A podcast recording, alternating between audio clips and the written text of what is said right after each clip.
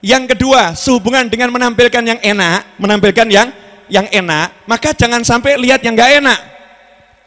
Jangan sampai lihat yang nggak enak. Nih, nih sumber nggak enak ini, nih, nih, nih sumber nggak enak ini. Nih, nih, nih handphone nih sumber nggak enak ini. Suami jangan pernah buka handphone istri, istri jangan pernah buka handphone suami. Udah, selamat selamat. Kalau belajar buka handphone pasangannya, siap-siap celaka rumah tangganya. Habib kok tahu, saya kan sering dilapori orang, rumah tangga berantakan gara-gara handphone nih. Rumah tangga berantakan gara-gara handphone. Dan Rasul melarang kita, la tetap ba'aurata akhik. Jangan kamu cari-cari kesalahan saudaramu nggak boleh, pengen tahu pengen tahu nggak boleh. Itu bisa ada aib orang di sini. Di handphone istri kita mungkin ada aib orang. Di handphone suami kita mungkin ada aib orang yang lagi curhat pengen menyampaikan sesuatu yang khusus untuk dia.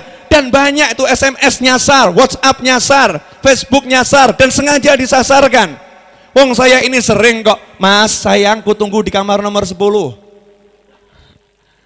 Padahal hidup saya ini keliling, keliling pengajian ke mana-mana. Coba itu, kalau dibuka, Mas sayangku tunggu di kamar nomor 10. Pas harinya saya lagi ke Jogja. Repot atau enggak repot? Apa enggak repot tuh?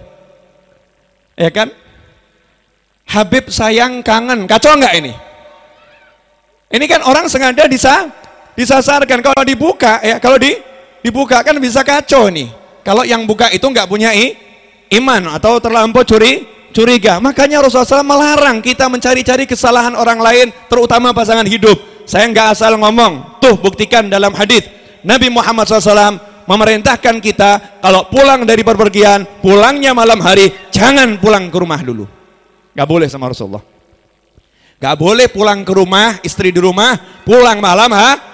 malam hari. Kenapa? Karena kalau istri lagi berbuat sesuatu dengan orang lain, maka seperti pengen tahu apa yang dilakukan is istri. Rasul meluruh kalau pulang jangan malam hari. Jadi seperti seakan-akan mau cari tahu istri saya lagi apa ya. Malam-malam nih kalau saya pulang nih, mau kita pergokin. Lagi apa dia malam-malam? Naudzubillah min min. Gak boleh berprasangka buruk pada pasangannya. Maka syarat nomor satu prasangka baik pada pasanganmu. Jangan ses melihat sesuatu yang bisa menimbulkan melihat hal-hal yang bu buruk. Ini petaka. Tapi biasanya kalau saya ngomong begini, istri protes, suami juga protes. Nggak bisa, Bim. Masa nggak buka handphone suami? Enak bener dia, Bib. Dia kan bisa. Nah, itu kan seudon lagi toh. Kan enak dia bisa gini-gini sama orang lain. Sultan, dia urusan dia dengan Allah Ta'ala, bukan urusanmu.